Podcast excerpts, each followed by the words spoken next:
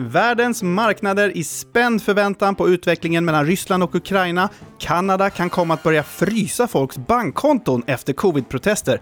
Och kryptobolagen tog över amerikanska Super Bowl. Det här är några av rubrikerna i veckans avsnitt av Bitcoin-podden. I studion som vanligt Christian Plog och Martin Byström. Hej! Hej Christian! Hej alla lyssnare! Du, eh, i dagens avsnitt så ska vi ju bland annat titta närmare på det här med teknisk analys, eller TA då som det ibland kallas för, eh, inom kryptotrading. Eh, för vi, veckans gäst är Dennis Ahlström som eh, håller på en hel del med just teknisk analys eh, och trading då. Vad tycker du? Eh, är, är krypto-TA sanning eller är det bluff? Jag är alldeles för dåligt insatt egentligen. Uh, jag ska säga att anledningen till att vi gör det här avsnittet är ju för att det är många som har efterfrågat ett uh, avsnitt kopplat just till trading av bitcoin och annan krypto. Och jag är väl inte något jättestort fan utan jag, jag är mest här för också att, att, ställa mina egna frågor för jag vill ju gärna förstå. Uh, det finns ju de som tydligen, eller tydligen, men de, de lever ju på det här så att är man mm. riktigt duktig och skillad och använder TA. Så det finns ju en hel, en hel drös människor som faktiskt lyckas, men det är nog väldigt många som inte lyckas och de hör man inte lika mycket av. Nej, precis. Um, och det råder ju också lite, det är lite av en vattendelare får man säga, eh, om TA just i kryptovärlden. Ja. Och det har blivit väldigt populärt att, att trada just de här tillgångarna för att de är så volatila. Eh, och volatilitet är ju verkligen en, en möjlighet att tjäna mycket pengar. Ja, ja, du kan ju tjäna både när det går upp och när det går ner. Traders älskar vollan, som vi brukar säga. Det ska bli skitspännande att höra mer om då varför Dennis tror att teknisk analys fungerar. I vanlig ordning så görs Bitcoin-podden också i samarbete med den eminenta svenska kryptobörsen Trio. Och där kan man köpa bitcoin, eller hur Martin? Ja, det är väl nog det främsta syftet skulle jag vilja säga mm. med Trio. Och eh, har man inte testat den så är det bara att logga in på trio.se och man kommer igång direkt. Vilken är din favoritfunktion på Trio? Jag gillar ju väldigt, den jag använder mest kan man säga, mm. för jag, jag, jag, handlar ju själv på Trio. Men det är ju um, autopilot. Jag tycker mm. det, är, det är så svårt att försöka så här, tajma att liksom, köpa på någon botten eller liknande. Så att autopilot gör ju att man kan sätta det på någon form av ja, autopilot helt enkelt. Så att man, man ställer in hur mycket man vill handlar för och hur ofta. Så att du kan köpa så lite som en euro varje timme. Mm. Eh, och då får du verkligen ett bra genomsnittspris. Så är det. Eh, jag har ju många favoritfunktioner, men en som jag gillar som är hyfsat ny ändå är ju den här grafen som vi har lagt in här för några månader sedan. Eh, den är riktigt eh, snygg och så ser man också så sina tidigare köp, när man köpte och hur man då tajmat marknaden, eller vad man ska säga. Eller inte tajmat eller marknaden. Inte tajmat marknaden. Och så ser man hur mycket det har gått upp i procent och i euro. Och, ja, jag gillar den skarpt. Så gå in på trio.se och eh, kolla in det här om du inte redan gjort det. Nu kör vi igång den här avsnittet av Bitcoin-podden.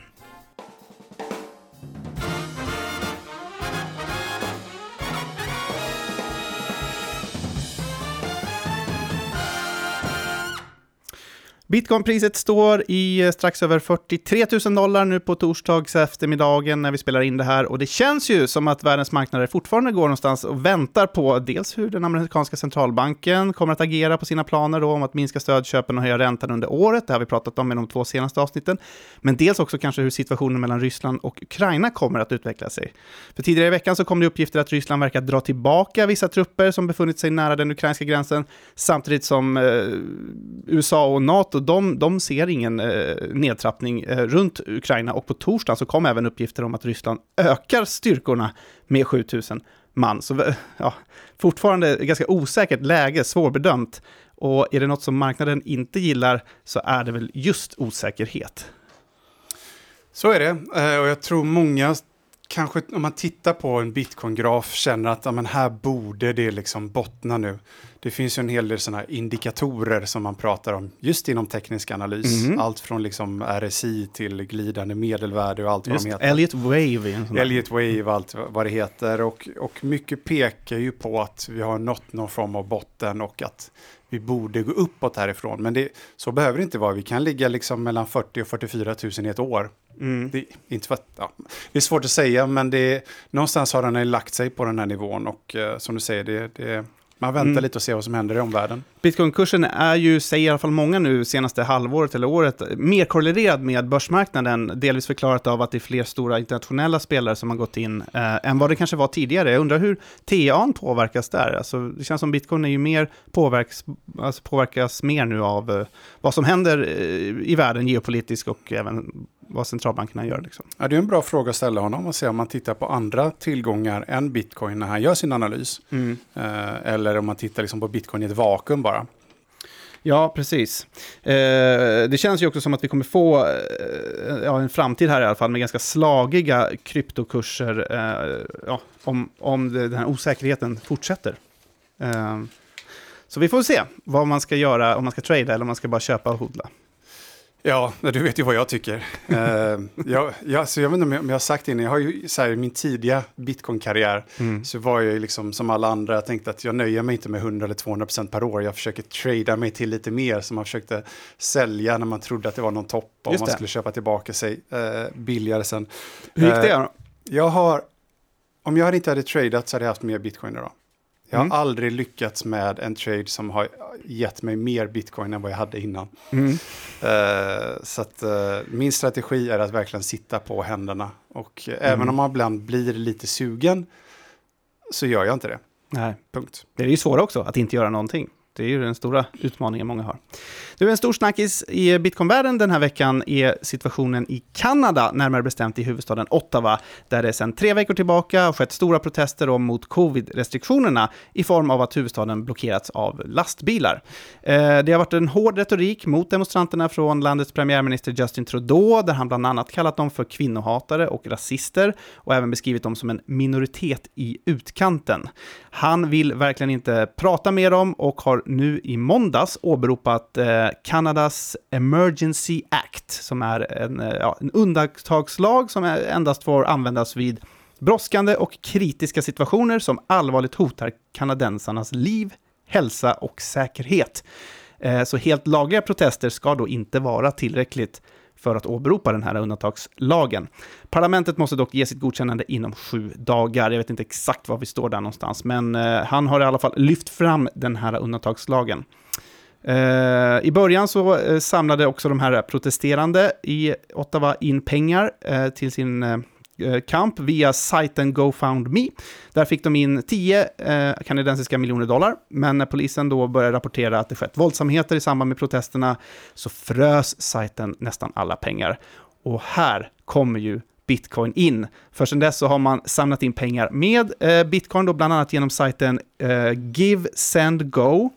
Eh, och bitcoin är inte lika lätt att frysa.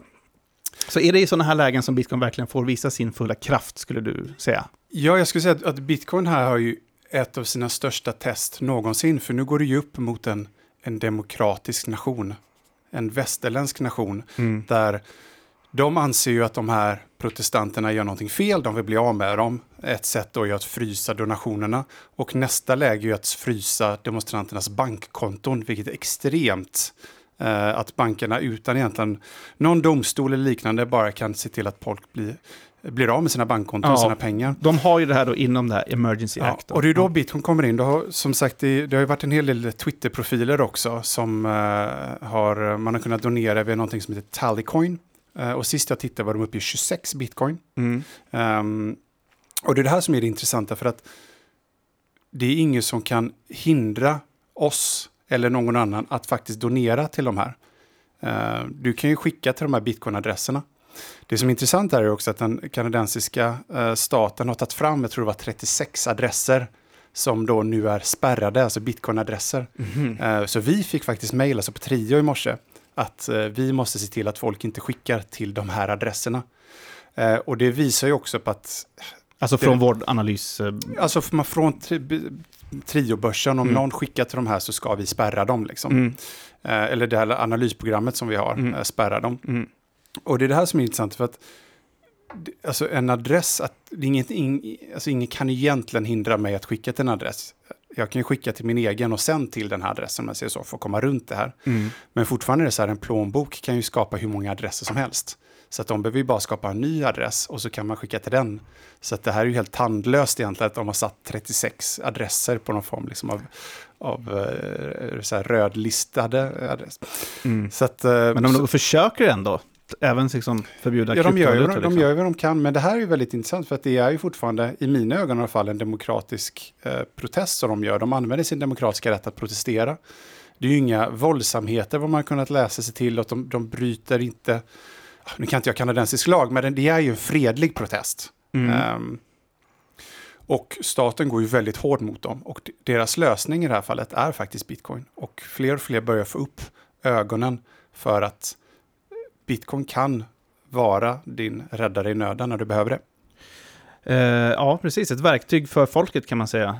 Den här Emergency Act, har vi något liknande i Sverige? Vet du det? Jag vet faktiskt inte, jag, är ingen, ingen jurist på det sättet, men eh, Nej. Jag är lite osäker, vi får kolla upp det. Eh, men nu när restriktionerna förmodligen kommer att eh, slopas även i Kanada, så lär väl också kanske protesterna försvinna av sig själv, om man får gissa lite. Frågan är bara då hur diskussionen efteråt kommer att se ut. Hävdes restriktionerna på grund av protesterna, eller hade de hävts ändå?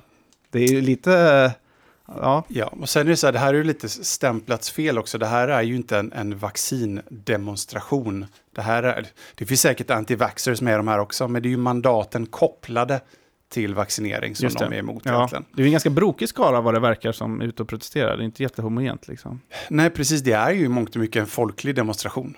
Uh, och de har ju kört igenom hela Kanada och samlats i, i Ottawa. Då. Mm. Vi ska gå vidare och prata lite sport, för i veckan så gick ett av världens största idrottsevenemang av stapeln. Då slog nämligen Los Angeles Rams sina motståndare Cincinnati Bengals i den 54 upplagan av Super Bowl, som är ju finalen i den amerikanska fotbollsligan NFL. Bland kryptointresserade så kommer matchen förmodligen att gå till historien som den där mängder av bolag inom branschen sände olika reklamfilmer. Att flera stora kryptobörser skulle göra reklam stod ju klart redan på förhand. Bolagen BitBuy, Coinbase, Crypto.com, eToro och FTX hade alla innan matchen meddelat att de skulle medverka. Bland reklamfilmerna var det två som fick särskilt mycket uppmärksamhet. Dels var det FTX som visade en film där komikern Larry David dissar uppfinningar som hjulet, elektriciteten, kaffe och sådär. För att då till slut komma, eh, göra samma sak med kryptobörsens app. Och sen så var det också Coinbase då, vars reklamfilm bestod av en QR-kod som svävade runt på eh, skärmen på tvn under 60 sekunder. Och den här QR-koden var det faktiskt så många som öppnade med sina telefoner att Coinbases app kraschade. Inte, I och för sig inte första gången Coinbases.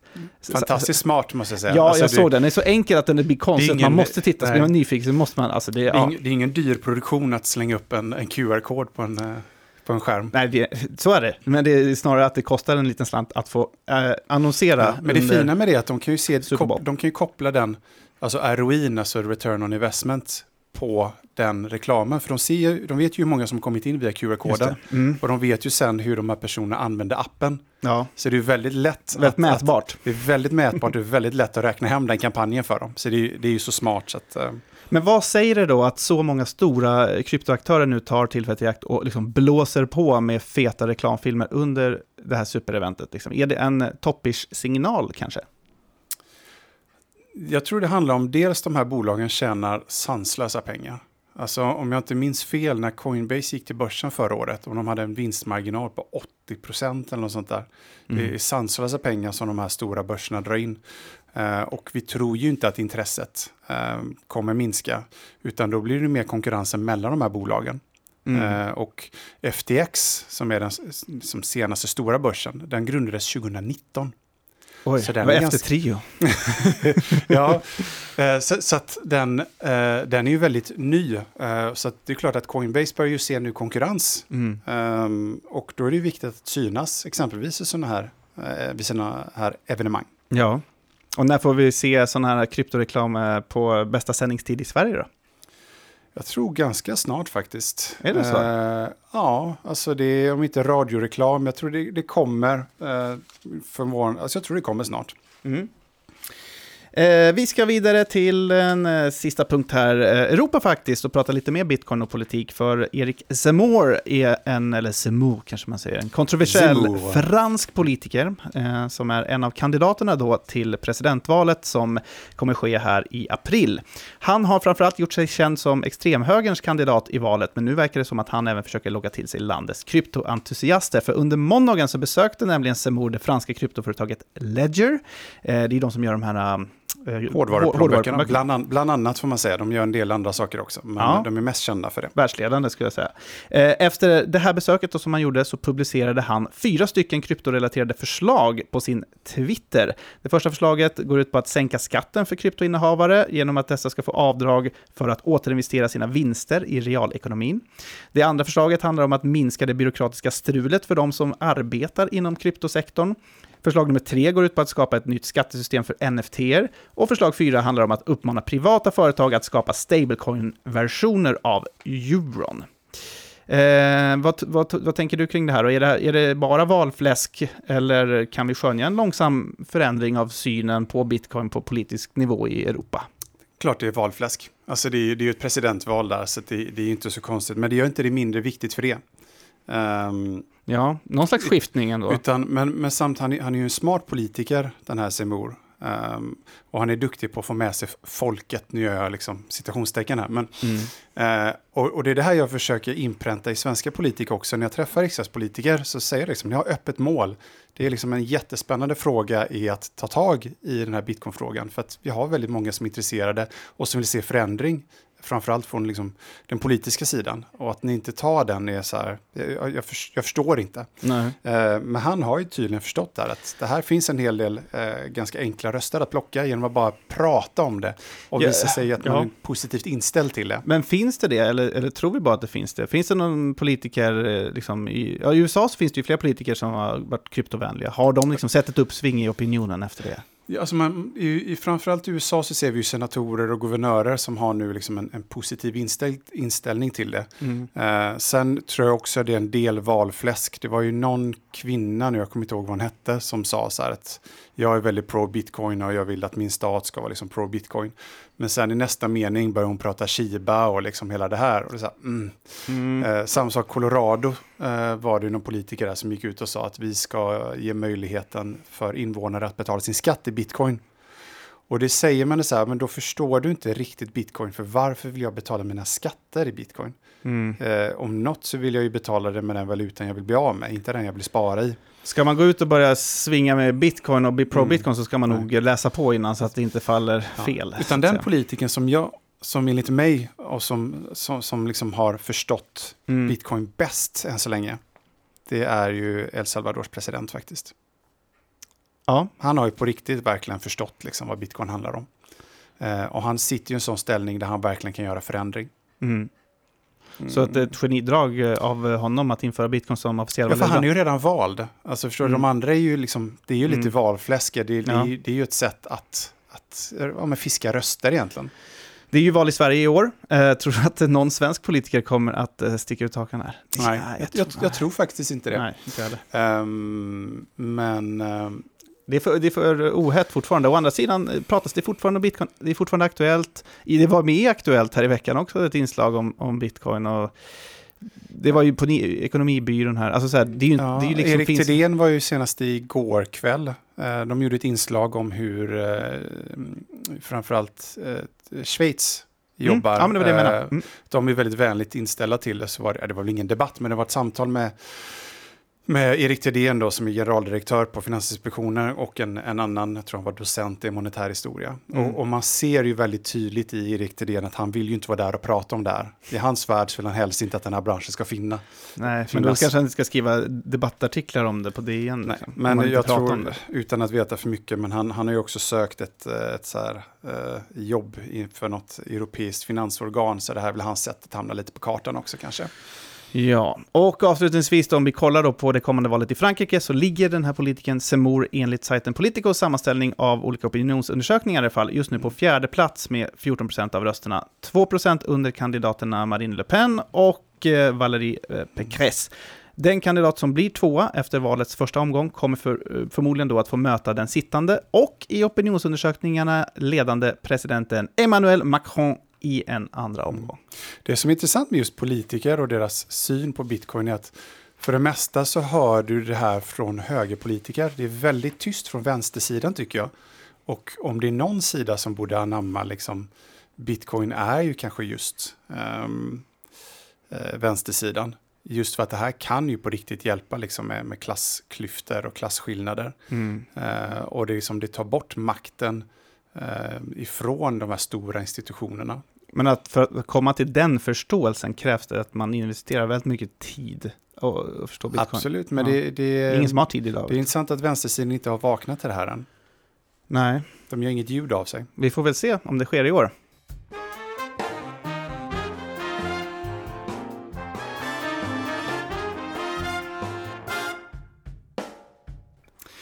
Då säger vi välkommen till veckans gäst, TA-experten Dennis Salström.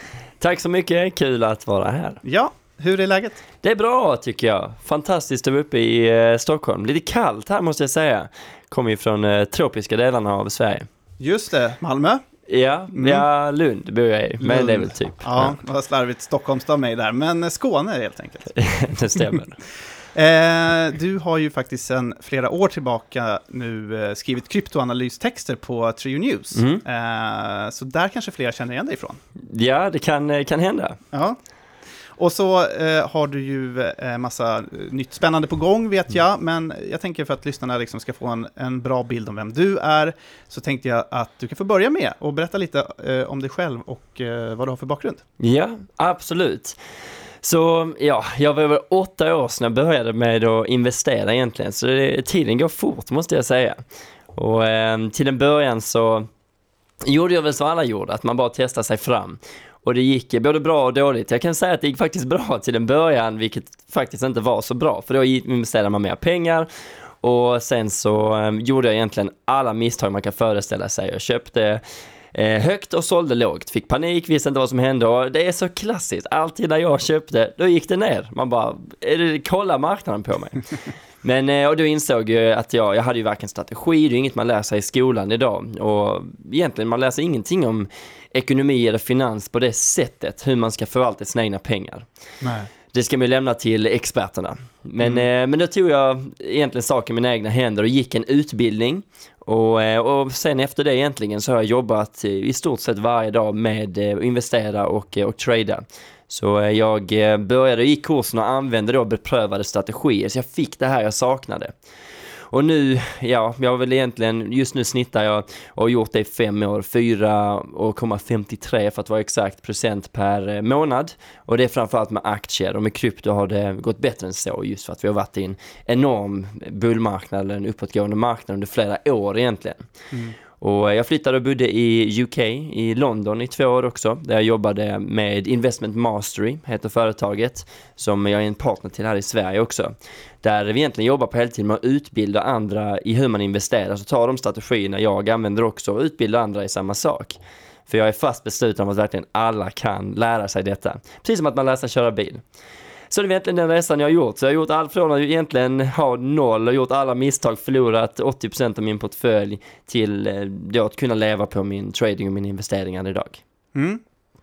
Och vad var det som gjorde att du liksom eh, fastnade för just investeringar och så? Liksom, vad, Ja, men det är en bra fråga, men jag kände väl någonstans, det var på den tiden, jag varit eh, reseledare och skidinstruktör och reste jorden runt egentligen, var au pair till och med. Så jag hade egentligen ingenting med finans att göra, men jag minns faktiskt att det var min mamma som bara, men ska vi inte börja investera lite grann? Så började jag så smått, jag tror det var på Handelsbanken på den tiden. Och då gick det ju bra, så jag kände väl någonstans, men kan man inte, få, kan man inte sätta sina pengar i arbete? Och säkert som för många så hade jag precis läst också boken eh, Rich Dad Poor Dad med Robert Kiyosaki. Och det fanns en annan väg än att jobba hela livet. Och när jag var reseledare så träffade vi, jag var på sommaren faktiskt, vilket inte många kanske förknippar med det. Så var jag vandringsguide och här fick jag en ny grupp på 30 personer varje vecka. Jag frågade allihopa, vad gör ni? Är ni lyckliga och glada med livet? Och de flesta bara, ah, det är väl okej. Okay. Och jag tänkte, vadå okej? Okay? Jag vill inte leva ett okej okay liv. Och då tänkte jag, det måste ju vara ett fantastiskt bra sätt att kunna sätta sina pengar i arbete. Och det, handlar till att det är en bra fråga, det är ju för att det gick ju så dåligt för mig till att börja med, så att varför slutar jag inte? Men jag känner väl någonstans, om, alla, om, om det finns folk som kan klara detta, då kan jag göra det också. Men det är någonting jag inte kan än. Så då gick jag och lärde mig det jag inte kunde. Mm. Så eh, det var väl egentligen där då jag kände att jag ville ha något mer, jag ville kunna bygga en pelare till än bara en mm. vanlig intäkt. Och var det så du hittade till bitcoin? Genom investeringar? Liksom? Ja, visst var det det. Så jag började med aktier och faktum var att, precis som många andra, hörde jag talas om bitcoin där för länge sedan, men jag gjorde ingenting med det. Utan det var, var egentligen 2016 som det blev ganska, eller ja, slutet på 2016, 2017 som jag började att komma i kontakt allt mer med det, med just i och med min utbildning. Mm. Och, och liksom, bitcoin har ju varit, eh, antar jag, väldigt kul att trada då eftersom den är väldigt volatil. Ja. Eh, men men liksom, gillade du bitcoin också av ideologiska skäl? Liksom? Eller var det bara att eh, tjäna pengar på trading? Nej, men både och tycker jag. Alltså det... Eh, trading är det ju, det finns lite olika sätt men jag tycker att det är jättefint att kunna kombinera att tjäna pengar men också hjälpa bra företag. Och det är kanske mer i aktiemarknaden vi hittar den här typen av företag som växer fram allt med i blockchain och kryptovärlden också. Men det var väl både och. Jag eh, tycker väl systemet vi har idag är bra för det funkar och man är försäkrad, framförallt i Sverige, det är ett fantastiskt system vi har. Men jag gillar absolut ideologin bakom bitcoin, men det är väl inte det som driver mig i huvudsak.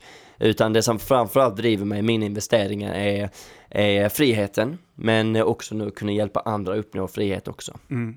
För det är det du gör idag, delvis i alla fall, utbildar människor i olika investeringsstrategier. Ja, precis så. Så exakt som att man eh, går och tar körkort så vill man, borde man ju lära sig av någon som kan köra bil. Men det många gör felet att man gör ju inte det, man bara hoppar rakt in och ska bli miljonär med krypto eller aktier. Och då kraschar man, vilket är väldigt troligt i och med att man inte har någon utbildning. Mm. Så ja, det är min stora passion nu att lära allmänheten att göra det, för det finns så otroligt många scams och antalet samtal vi får av människor som blivit lurade, som förlorat allt, är skuldsatta, det är, det är hur många som helst. Ja. Så det är väldigt... Eh, Ja, vi kommer i kontakt med dem också ganska ofta. Så ja. Typiskt sådana bitcoin-scam, att det ska vara någon, någon som hjälper en att investera och liknande. Mm. Och sen så är pengarna borta. Och sen ja, så visst, blir man alltså. kontaktad av någon som ska hjälpa en att få tillbaka pengarna och så blir man lurad igen. Uh, så det, det, är tyvärr väldigt vanligt. Uh, men, du, men du jobbar ju då med teknisk analys som det heter. I, I, min värld så är det att man drar lite streck på en, eh, en graf, men jag antar att du har lite en annan åsikt kring det. Ja, men det stämmer. Det är faktiskt i stort sett det hela. men det finns många fler delar. Teknisk analys är en del i det, men det är ingenting vi bygger vår strategi på enbart. Utan det som är det absolut viktigaste och det som vi lär ut, det är mycket riskhantering. Så eh, egentligen teknisk analys, allt det handlar om är att, precis som du säger, dra streck på en graf och kunna på något sätt förutspå framtiden. Och det egentligen allt det handlar om är att en sak är större sannolikhet att det händer över en annan sak. Och så det handlar bara om sannolikhet. Och har vi fel? Absolut. Det är liksom antingen går det upp eller ner eller bara fortsätter det sidledes. Mm. Men det använder vi för att öka sannolikheten att vi ska vinna. Så någonting som vi tar exempelvis förra året när mm. jag tror det var Elon Musk som la bitcoin på sin Twitter mm. och så gick det upp 20 procent. Ja. Det är ju inget riktigt kanske då man kan använda i teknisk analys då, för det är, sannolikheten var ganska lågt att det skulle hända, antar jag. Ja. Ja, nej men absolut var det det. Och detta här som jag berättade idag, liksom, det är ju bara, det är ju varken rätt eller fel, utan det är bara mina egna åsikter och erfarenheter. Mm. Men eh, jag har en bra exempel för det också, för vi hade faktiskt en som vi jobbade med, han har jobbat med teknisk analys i 30 år. Och han började sen jobba på en, eh, en bank. Och då han bankchefen var också väldigt skeptisk till teknisk analys, så han sa så här, men du, och nu kollar de på en graf, jag tror det var över kaffe eller något sånt där. Och han bara, vad kommer hända nu? Han bara, men jag har gjort mycket, mycket analys här, det ska gå upp. Han bara, det kommer inte alls. Jag ringde ett samtal och sålde för några hundra miljoner och så föll priset då. Han bara, det funkar inte. Så att du har helt rätt alltså, om sådana saker kommer ut så funkar det ju inte på det sättet, utan det fundamentala kommer alltid först, och spekulation. Men eh, men du pratar om, om hantera, eh, alltså riskhantering. Mm. Va, vad innebär det i praktiken? I praktiken innebär det till exempel att om jag tar ett trade, då eh, visar då grafen om det finns ett stöd. Lite svårt i podden att visa här, men vi säger att det finns en nivå, vi säger 30 000 dollar för bitcoin, där vi säger att priset studsat flera gånger då kommer många kolla på den nivån som ett stöd. Att då kommer många ha köpordrar där. Och då innebär det att då är det större sannolikhet att det studsar där än att det faller igenom. Nu kan det falla igenom. Men riskhanteringen här innebär att jag riskerar bara 1% av min portfölj. Så har jag en portfölj på 100 000 riskerar jag 1000 kronor. Mot att kunna tjäna minst tre gånger så mycket. Vilket betyder att jag kan ha fel sju gånger av tio, men ändå tjäna pengar.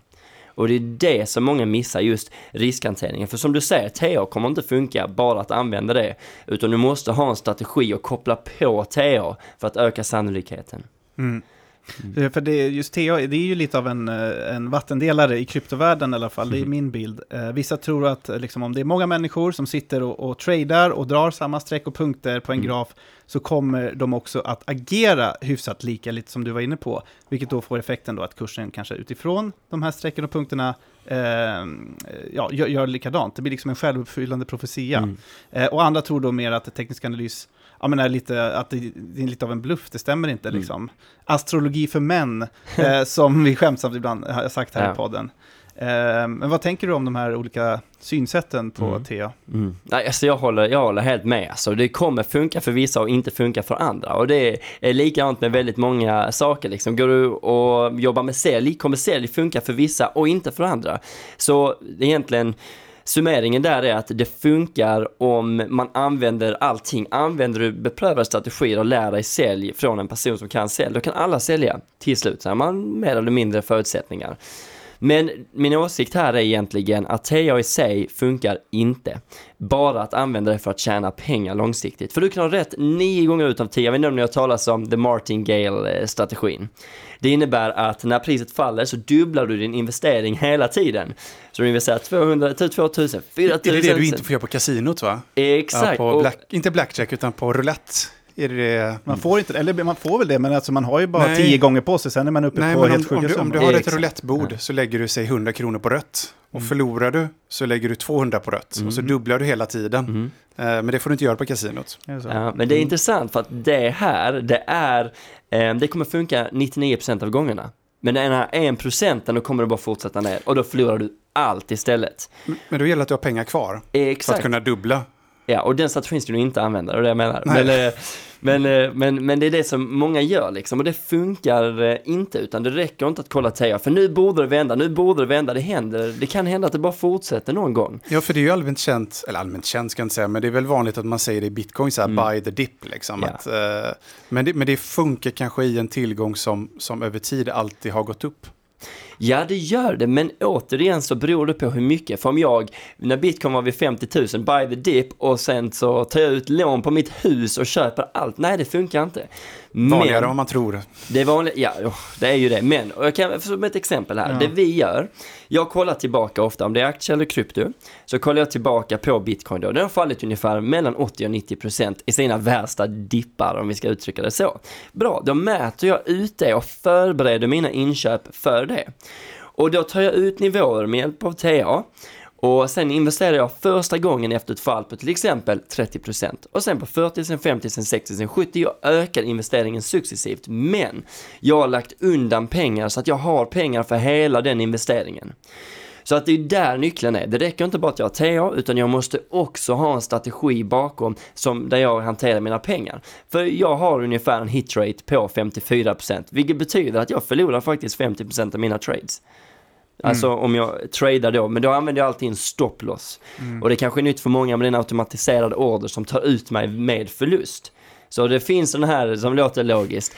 Du ska, de två gyllene reglerna i trading, det är ju att du ska ta små förluster och låta dina vinster gå så långt som möjligt. Men, men man funkar annorlunda, så mindset kommer också in. Det många gör är att när man är i förlust, man bara okej, okay, men nu vänder det snart och så nu vänder det snart och så kommer man mer och mer i förlust. Men sen när du är i vinst, då bara, ah, nu måste jag ta vinst, jag vill inte förlora min vinst. Så det är liksom tvärtom. Och det är ju där många går fel också. Mm. Och eh, har ni liksom eh, kurser då i Sverige då på svenska mm. i, i Lund då eh, för folk? Ja det stämmer. Ja. Innan pandemin när, nu kommer jag ihåg då när dinosaurierna gick här på jorden. Det var många år sedan nu, det känns som en evighet mm. sedan. Men då hade vi live workshops. Och nu är det mesta digitalt, så det är via din kryptoklubb och din tradingklubb för aktier respektive krypto. Men då har vi kurser online, men också live. Men vad är det för människor som anmäler sig till de här kurserna? Ja, egentligen alla som vill egentligen. Vi tror det finns fem pelare när det gäller att få intäkter och det är väl jobbet, du kan ha en business, du kan ha fastigheter och sen då investeringar och sen också har vi en för marknadsföring online. För så mycket man kan göra online. Men det, och det vi gör då, det är för alla då som vill egentligen lära sig att köra bil då fast med trading investeringar, för alla kan göra det. Och vi tänker ju med 20 minuter om dagen ungefär när man lärt sig. Så alla kan göra det, det behöver inte ta så mycket tid.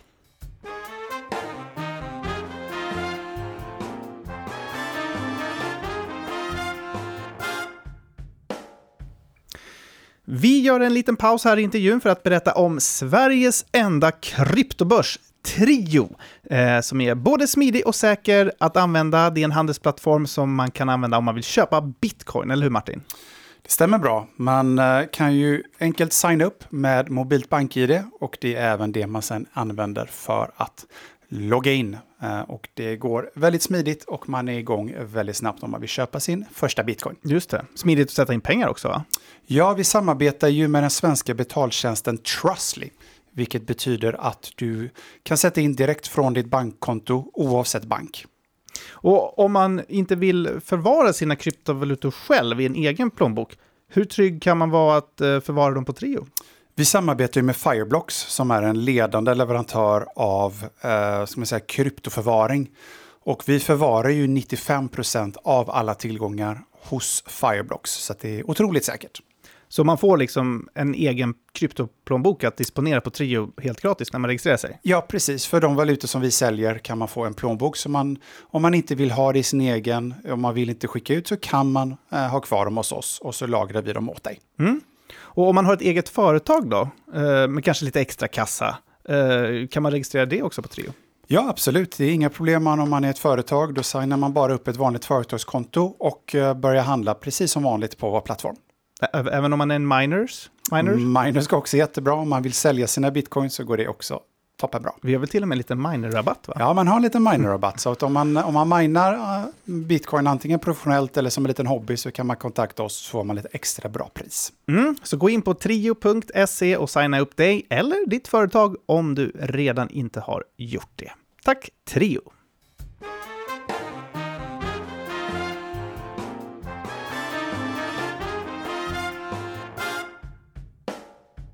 Någonting som man, som man hör är ju de här då som är eh, vad ska man kalla det för, trading gurus. Mm. Du vet, de, de säljer ju kurser och ja. de har YouTube-kanaler och de delar med sig av sin strategi. En kritik som oftast blossar upp är ju, mm. om du nu har hittat någon edge liksom, i marknaden, mm. varför ska du då dela med dig av den istället mm. för att använda den för ditt Eh, för, för egentligen för att öka din egna rikedom? Ja, det är en jättebra fråga. Den frågan får vi också alltid. Varför lär ni ut om ni... Men det är så roligt för jag har fått den frågan någon gång. Bara, men om, jag hade, om jag hade kunnat leva på min trading, då hade jag spelat golf hela dagarna. Det är jättebra, nu vet jag vad du hade gjort, men det vill inte jag göra. Så att jag tror man kan göra både och. Och det är lite så att eh, de strategierna vi har, alltså det är verkligen ingen rocket science. Det är verkligen inte så att oh, vi sitter på the holy grail. Utan eh, vi tror så här, vi tjänar pengar på det, jag vet att andra kan göra det också. Och mitt mission i livet är ju verkligen det, att hjälpa andra. För jag känner mig väldigt eh, välsignad över att ha växt upp i Sverige och jag har rest mycket i världen och sett hur mycket bättre vi har den på många ställen. Och jag känner verkligen att jag vill både ge tillbaka men, eh, men också hjälpa andra. Jag tycker det är mycket det livet handlar om. Så att jag jobbar betydligt mycket mer än om jag hade haft ett vanligt jobb. Men det är för att jag vill, det är för min passion.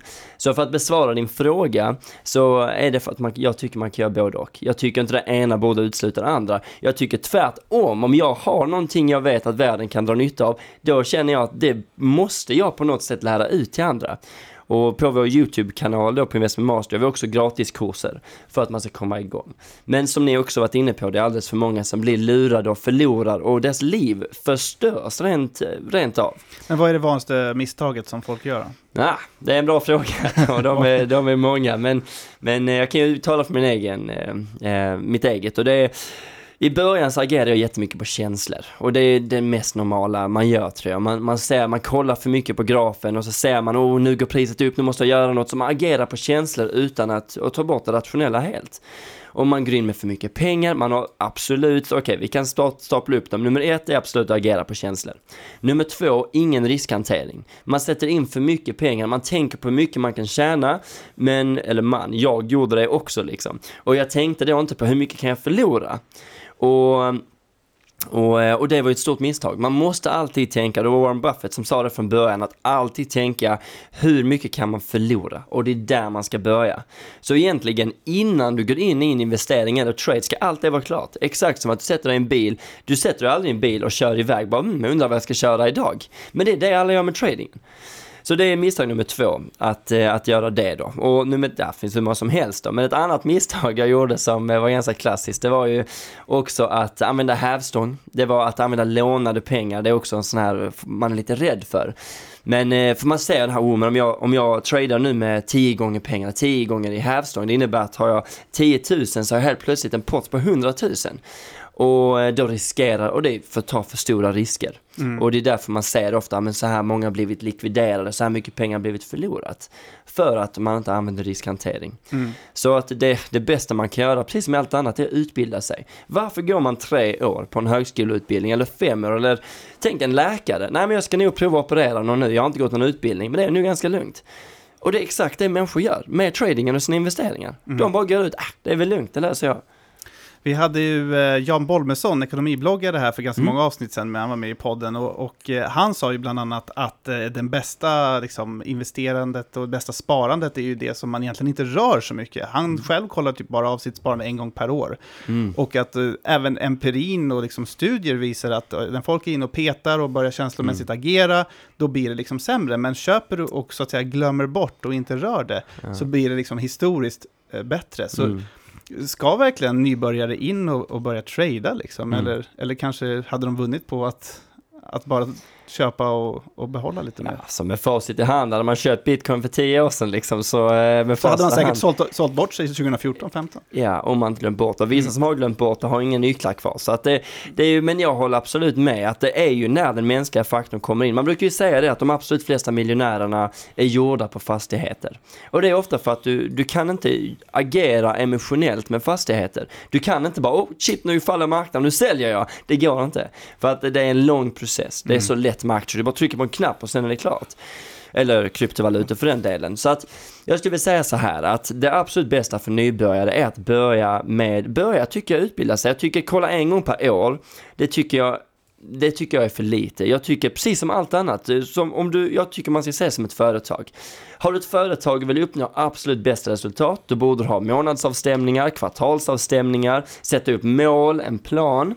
Och det tycker jag alla kan med sin privata ekonomi och där ingår investeringar också. Men däremot tycker jag att man kan använda väldigt enkla och simpla strategier. Till exempel den jag berättade att du sätter ordrar på förhand, räknat ut allt på förhand, där du går in efter ett fall på 20%, på 30%, på 40%, etc. Det kan du göra en gång i veckan, räcker att du kollar. Du bara kollar, okej, okay, har de gått in, måste jag sätta någon ny order? Och sen vet du också vad du ska ta hem vinst. Sen när du är plus till exempel 50-60% med krypto, vilket vi vet händer ofta, eller att det går ner. Men då sätter du ordrar på förhand där också som säljer och tar hem vinst till dig. Så jag håller med dig, ju mindre känslor involverat, desto bättre. Så börja enkelt, men jag tycker absolut att man minst ska sitta och kolla på det en gång i månaden i alla fall. Mm. Man, man, får ju ganska ofta höra det här att bitcoin är ju ett pyramidspel. Mm. Uh, att egentligen är det ju ett no nollsummespel för att ja. någon, du måste, alltså någon som vill gå ut i bitcoin måste ju någon annan komma in liksom och, mm. och köpa loss om man säger så. Mm. Skulle du säga då, eller vad säger du till dem som säger att för att någon ska tjäna pengar på sin trading så måste någon också förlora pengar på sin trading? Mm. Ligger det någonting i det? Um, faktiskt, alltså nej, jag skulle säga att det finns tillräckligt mycket pengar på jorden för alla.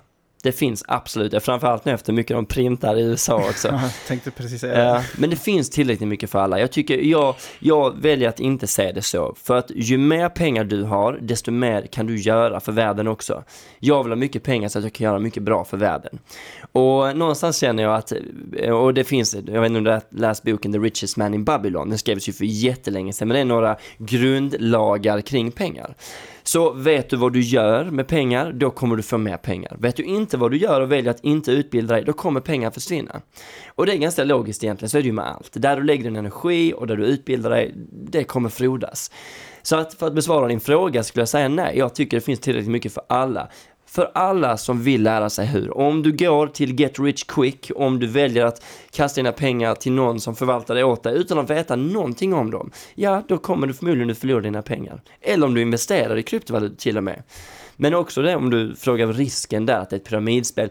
Ja, om det, om det är så att du tänker det här är jättehög risk Dennis, jag kan ju inte investera i detta. Men investera lite då, du behöver kanske inte pantsätta huset. Men det du kan göra är att investera 500 kronor och se vad som händer. Det har ju hänt i krypto att 500 kronor har kunnat bli till och med en halv miljon. Om du råkat träffa rätt, till och med om du investerar i bitcoin för många, många år sedan. Sannolikheten där är ju extremt liten, måste jag bara säga. Att det, om, om, du köpte Dogecoin jättetidigt eller om ja. du köpte några av de andra skräpgrejerna. Men, men eh, det, det är väl ingen rekommendation kanske att vi ska ge att lägga en 500 i någon, i någon skitvaluta tror jag inte. Nej, verkligen eller, inte. Eller Christian, är det någonting du skulle rekommendera? Eh, jag skulle inte rekommendera det. Nej, vi kan inte rekommendera någonting. Men, eh, men till exempel när bitcoin under corona var vid 3000 dollar. Tänk att sätta 500 kronor i den. Det är lite mm. bättre avkastning än vad det är på banken. Och den är ju ganska intressant för att eh, det är ju mars 2020 du pratar om här. Den här kraschen verkligen när det gick från typ 10 till ja, men 3 på ja. två, tre dagar. Eh, jag kommer ihåg det nästan som det var igår. Mm. Jag var ju jag blev väldigt påverkad av den. Ja. Jag trodde fortfarande jättemycket på bitcoin. Jag var helt säker på att det här är fortfarande framtiden. Mm. Men jag klarade inte att ta bort känslorna mm. och köpa på 3000. Nej. Var det då du la dig i eh, badkaret? Ja, det var då jag la dig i badkaret. Och lyssnade på bitcoin-podcasts. Liksom. På högsta volym. så jag skulle få upp modet igen. Ja. Men, och det, det hade ja. varit, det hade varit den bästa traden i mitt liv. Mm. Om jag hade kunnat komma in när det var 3000. Men jag vågade inte för känslorna var i vägen. Mm. Vet du vad du skulle behövt? Dig? Nej. Du skulle behövt en strategi. Alltså min strategi, mm. strategi var ju att mm. köpa och, hodla liksom. Ja. Men, men jag vet inte varför. Det var, jag var för påverkad ja. av händelsen. Ja, hur ska man hantera känslorna? Finns mm. det något verktyg där? Ja, alltså det finns ju såklart verktyg, men vi, jag blir också påverkad. Det blir man, man är människa. Mm. Men, finns det någon medicin eller man kanske medis, kan... Smoothies. Jag radera appen. Två smoothies om dagen, radera appen. Sluta kolla. Nej men det absolut bästa som vi, eh, vi har gjort är just att vi har ett community. Vi är ett community. När vi bara shit nu händer det här, men då har vi folk att prata med som, mm. som kan hjälpa oss att komma tillbaka på banan. Till exempel Marcus eh, de Maria som jag jobbar med som har 20 års erfarenhet. Och det är lite så när du har varit med om detta ett par gånger bara here we go again, då vet du. Men så svar på din fråga där, hade du haft strategin att sätta in till exempel dollar cost averaging, det är en av de vanligaste strategierna som fonder använder också. Då sätter man in samma summa varje månad. Så det som är intressant här är ju om du tyckte att bitcoin var jätte jättekul att investera i vid 8000 dollar då, men sen vid 3000 bara, nu vill jag inte röra det med tång. Det är så intressant. Varför vill jag inte köpa när det är på rea? När det är 70% rea, när då vill jag inte köpa? För att man tror att det kommer ja. fortsätta att falla. Exakt, mm. visst är det så. Mm. Och det är där som man måste ha en strategi. Och det är det som vi pratar mycket om. Och det är därför en stor del av vår utbildning är mindset också. För det räcker inte bara att ha strategin, för sen kommer de där känslorna in. Och det är ju som Warren Buffett säger där, att buy when everyone's fearful. Men vad gör man då när man själv är rädd också? Då, som du säger, vågar jag köpa mm. någonting så faller det till noll. Mm. Men eh, en nyckel där också är att om du vet att du bara investerar, vi säger 500 kronor, då är det allt du kan förlora. Du kan inte förlora mer än 500 kronor. Så att det är också en grej många tänker, jag kan inte investera, det är för, för farligt, det är för mycket risk. Men investera mindre då, då är du inte, alltså risken är ju det du investerar. Mm. Och jag älskar att spela detta spelet. Det jag kan, det jag kan eh, förlora är 100%. Så investerar jag 500 kronor kan jag förlora 100%. Men jag kan ju tjäna mycket mer än 100%. Mm. Du, ska vi ta några lyssnarfrågor också kanske? Eh, vi har en här då. Eh, är det sant att teknisk analys fungerar endast om det är flera som använder det? Alltså att det blir en självuppfyllande mm. profetia? Ja, så återigen, jag kan bara tala från min egen erfarenhet och eh, det är svårt att svara på om det är sant. Men enligt mina erfarenheter så funkar det bra. Vi brukar faktiskt säga just det att många kollar på det och då blir det en självföruts eh, självuppfyllande profetia. Så, eh, så absolut, det skulle jag säga. Men återigen så är det viktiga egentligen inte vilken strategi du använder utan det är din riskhantering. För att du kan ha 50-50, antingen går du upp eller går du ner. Men har du en strategi där du begränsar dina förluster, då kommer du vinna, om sannolikheten är på din sida, då kommer du vinna i längden. Mm. Mm. Ja, 50-50, det är ju roulette som vi pratade om. Det är det, Ja. och, det och, och trading är ju egentligen till viss del gambling då, i och med att det kan bara gå upp eller ner. Men om du lägger till riskhanteringen och har det som din strategi och kan förlora sju av tio trades, då är det inte gambling längre. Mm. Och det är lite det som är svaret. Yes, vi tar en till. Eh, varför ska man lägga ner så mycket tid på metoder vars empiriska stöd är Mm. extremt tveksamt samt inte lärs ut på till exempel någon högre utbildning som Ja. Handelshögskolan? Ja, också en mycket bra fråga. Och det beror på lite hur mycket tid, eh, vad, vad det, du menar med mycket tid. För till exempel att om du lär dig beprövade strategier eller till och med använder dollar cost averaging strategin som har visat sig funka i, och det är den som fonderna använder, så proffsen använder den. Nu tror vi det finns bättre metoder. Men då behöver du inte lägga mycket tid, utan det du behöver göra är att kolla på grafen en gång i månaden för att besluta dig, okej, ska jag köpa nu och vilket pris är det på? Men nu köper jag för samma peng som förra gången, för då får du ett genomsnittspris över tid. Så svaret är nej, och detta är också ett av felen jag gjorde. Jag har säkert gått 70 utbildningar och läst hundratals böcker känns det som. För att hitta, du vet, the holy grail, men det finns ingen. Utan det absolut bästa. Jag kan ställa en fråga, var blir gräset grönast? På grannens gräsmatta? Exakt, nej. Det blir grönast där du vattnar, eller hur? Så om du har en strategi, vattna den och bara låter den växa och vara och bli expert på den, det räcker. För det är som allt annat, det finns liksom obegränsat med strategier du kan använda och alla eh, säger att det här är the holy grail, men så är det inte. Utan eh, det enda vi kan kontrollera är oss själva, använd lätta strategier och bara fokusera på dem. Eh, du, du utbildar ju då inom det här. Eh, har du också en öppen portfölj som man kan se hur det går för dig? Och om du inte har det, varför inte? Mm. Vi har faktiskt det. Vi har en YouTube-kanal där vi varje vecka går igenom alla trades vi tar med våra strategier. Och den är helt öppen. Man kan gå tillbaka och kolla på alla trades vi tagit.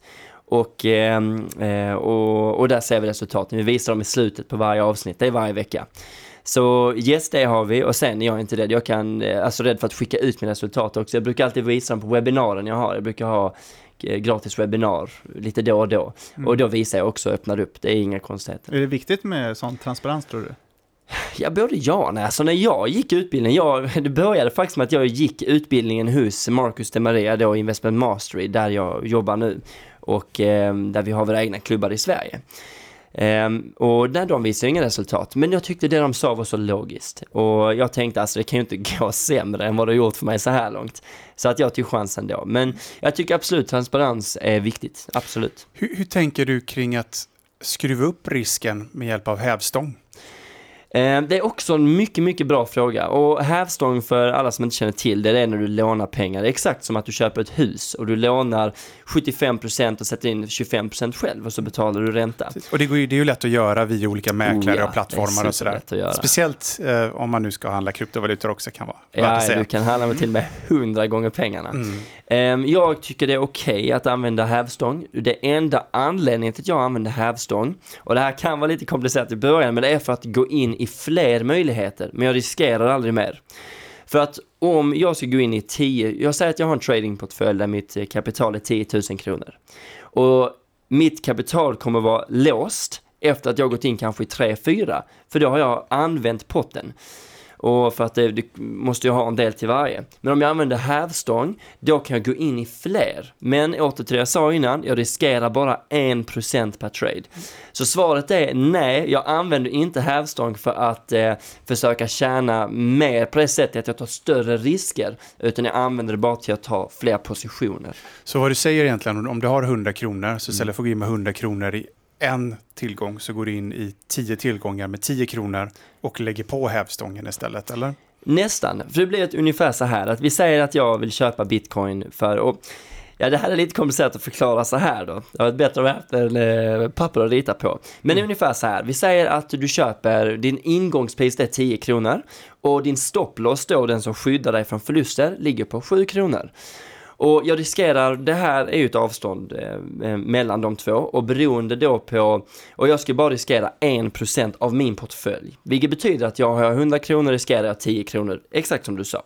Men min, min position size, eller antalet bitcoin jag måste köpa, varierar då beroende på var jag har min stopploss. Så har jag min stopploss på 8 kronor, 7 kronor, 5 kronor beroende på vad TA säger så måste jag gå in med olika mycket pengar och till slut kommer mina pengar ta slut. Så jag måste låsa upp pengar i tradet och, men ändå bara riskera 1%, det är viktigt. Och det här har jag videos på på YouTube också. Men, eh, men då, för att, inte, för att inte fastna i den här situationen att jag är inne i tre trades och har låst mina pengar, så kommer ett fantastisk, en fantastisk möjlighet som jag vill gå in i. Då kan jag använda hävstång för att gå in där, men fortfarande bara riskera 10 kronor. Mm. Intressant. Eh, det var de eh, lyssnarfrågorna vi hade. Jag har lite fler frågor. Har du fler frågor? Ja, Shoot! ja men nu, var- nu kommer jag igång här. Ja, vet jag du. menar det. Ehm, hur jobbar du med, med skatt? För jag tänker allting är väl inte inom ett ISK liksom, utan du Nej. behöver själv eh, deklarera en hel del, speciellt om du kanske mm, är just inom bitcoin och andra kryptovalutor. Ja, absolut. Eh, vi älskar skatt, det gör vi. Och det Det vi... får stå för dig. Men, ja. ja, ja, exakt. Nej, men, eh, nej, men det, det gör vi absolut. Vi jobbar med Monetax. Så eh, jag vet, ni känner säkert till dem också. Men vi jobbar med dem och, och tycker de har en jättebra tjänst liksom. Så vi har ju, får hjälp på något sätt. För, för tar Mm. du, för, om man säger så här, skatt är ju en kostnad för din trade. Det är det. Har du den i åtanke när du lägger upp dina positioner? Eh, ja, åtanke har jag absolut, det har jag. Men det påverkar inte i och med att jag vet, och det är lite så här, jag har ju gjort, jag har ju statistik på detta då, så jag vet att om jag lägger 100 trades, då vet jag att ungefär så här många kommer vinna, så här många kommer förlora och så här mycket kommer jag tjäna. Och i och med att jag alltid riskerar 1% så har jag alltid tillräckligt mycket pengar för att betala Mm. skatt. För, det, för det är ju en stor risk. För säg att du har köpt bitcoin då, så har du gjort 100%. Mm. Så säljer du. Och sen går du in i någon jäkla skit och du förlorar allting. Den där, den där skatten Mm. ska ju fortfarande in fast pengarna Ja. är borta. Ja, det är ju också, jag det läste mig mycket om 2017 där, miljonärer som då förlorat allt i björnmarknaden, sen ska de betala jättemycket i skatt. Men grejen är den här också, jag har ju inte allt mitt i krypto såklart. Jag har ungefär 20% av mina tillgångar i krypto. Så skulle det vara att vi hamnar i en björnmarknad, då har jag pengar i fastigheter, i aktier som jag då kan använda för att betala skatt. Så jag har allting i en buffert. Det är också ett tips, investera aldrig mer än man kan förlora. Det låter ju rimligt, men det är också något man blir blind på när känslor kommer in i bilden. Vilken är din eh, bästa trade ever? Oh, det var en bra fråga Du får inte faktiskt. svara investering i kunskap här. Det är det faktiskt, det skulle jag säga. Men eh, i krypto gissar jag att ni menar då. Det, Ja, det kan vara vad som helst. Nej, det kan vara, ja, precis, för att det, då är det Ja. lätt att bara säga Dogecoin liksom. Det är lite tråkigt. jag investerar faktiskt inte i Dogecoin. Nej. Nej, det har jag faktiskt inte gjort. Ja, men du tjatar om Dogecoin. Ja, men det är, ju det är ju, Ja, alltså, jag tror, jag tror det är, det är så, alltså en hel del personer som har tjänat väldigt mycket pengar på typ Dogecoin och de här Shiba och det är ju, det är ju bara ren luft. Alltså det är ju, Men Hur många Det är av dem sålde på toppen? Mm. Ja, det är så lätt. Det är också en sak i att man, om du köpte där och sålde där. För det har vi spekulerat i också med bitcoin. Jag återkommer snart till vilka mina bästa investeringar jag måste är. bara, för- förlåt, Ja. jag måste bara fråga, Christian, hur många Dogecoin äger du? Eh, jag vet faktiskt inte. Eh, jag fick ju dem av dig i present. Han fick 69 stycken Dogecoin av mig förra var det. året. Så det var, 69. Det var, Ja. mm. Mm. förlåt, nej, fortsätt. Men, ja, nej, några av de bästa nu har varit eh, Decentraland, har varit eh, superbra med de här metaverses som kom, vi investerade väldigt tidigt i dem. Och vi, grejen, vi, vi investerar ju, jag, jag startade ju sent, alltså jag startade ju där i, eller allt relativt, men lite smått i 2017. Men det jag har tagit med mig är mina erfarenheter från aktiemarknaden. Um, och sen då genom hela björnmarknaden egentligen investerade jag i otroligt många olika projekt som vi har djupdykt i. Solana var en annan som har varit en jättebra investering för mig. Och även Binance Coin gick ju från typ 30 cent upp till 400-500 dollar. Just det, den ägde Mm. jag 2017, men sålde såklart. Ja, men, ja, och, det, och där har vi en nyckel också. Det hade jag också gjort om jag inte haft strategierna. För min, det skriker ju sen när du är uppe några tusen procent, alltså jag menar tusen procent. Och då skriker allting sälj, vad händer om det går ner? Men då vår strategi är ju då att vi säljer 20 procent varje gång det går upp ett par hundra procent. Mm. Och då kommer vi aldrig sitta i situationen att, vad gör jag nu? Och, och vi, har, vi har redan planerat hur vi ska gå ur marknaden också. För vi måste veta det på förhand. För det som hände 2017, det var ju att vi inte gjorde det. Så vi köpte bara på oss med vi buy the dip, eller hur? Till och med med vår erfarenhet. Men nu har vi gjort en strategi för det också, så vi har planerat för det. Eh, Bitcoin ligger ju på ungefär 43 000 ish, någonting Mm. dollar. Eh, den har ju varit nere och touchat här vid 33 här för Mm. några veckor sedan. Hur ser din Bitcoin-trade ut för tillfället? Hur går dina tankar där? Du skrev en krönika här ganska nyligen om att Ja. du trodde på 80 000 i snar närtid, om jag inte minns fel. Ja, snart i detta året i alla Mm. fall. Och vi, ja, så det är ju svårt att spekulera kring. Men tekniska analysen. Har du lagt upp någon bitcoin-trader? Har du någonting som ligger nu liksom Ja. och, och, och väntar? Ja, jag gick faktiskt in där runt eh, stödet på eh, runt eh, 30-33. Så där eh, gick jag in och sen har jag lagt lite köporder för investeringarna enligt våra andra strategier. Vi har en strategi som heter Crypto Cost Average heter den. Och det är ju just en sån där vi går in och köper vid 20, 30, 40, 50 etc.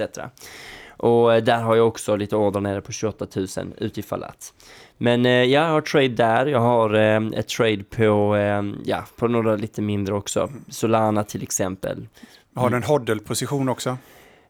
Kalla det hodl, alltså jag vill inte sätta mig i ett skåp där jag antingen är en investerare där jag håller hela livet utan går det upp så säljer jag, går det ner så köper jag. Ungefär så är det. Så att, eh, men absolut, jag kommer aldrig sälja alla mina kryptovalutor. Och hur många år hade du hållit på med investeringar? nu? I åtta år ungefär. Och hur rik är du? Vi kan väl säga så här. Rimlig jag, fråga ändå med tanke på vad vi pratar om. Ja, exakt. Jag kan ju leva för min trading det, och mina investeringar, det kan jag absolut göra. Och det har gått väldigt, väldigt bra. Ja, falafeln kostar väl 30 kronor i, i Malmö? Hur många falaflar Fortfarande? Lund. Eller, Förlåt. Ja, tack så himla mycket för att eh, du kom hit idag, Dennis Hallström. Ja, tusen tack. Det var ett eh, nöje. Ja, härlig energi på dig. Ja, Kul. Eh, tack också till dig som lyssnar på Bitcoin-podden. Glöm inte att följa oss på Instagram, där vi också heter Bitcoin-podden. Martin, vem har vi som gäst nästa vecka? Nästa vecka kommer Jan Olsson och han jobbar för NOA som är polisens nationella operativa avdelning. Just det. Eh, Så det vi ska diskutera är egentligen, hur jobbar polisen med bitcoin? Ja, vad har de för det- kunskapsnivå där? Det sker ju fortfarande, vare sig man vill eller inte, lite kriminalitet, det finns ju fortfarande del penningtvätt. Så hur jobbar faktiskt polisen med det här? Mm. Ja, men det ska bli väldigt intressant. Så missa inte det. Nästa vecka är vi tillbaka, samma tid, samma kanal. Fredag vid lunch kommer podden ut. Nu tackar vi för eh, den här veckan och eh, sen säger på återhörande.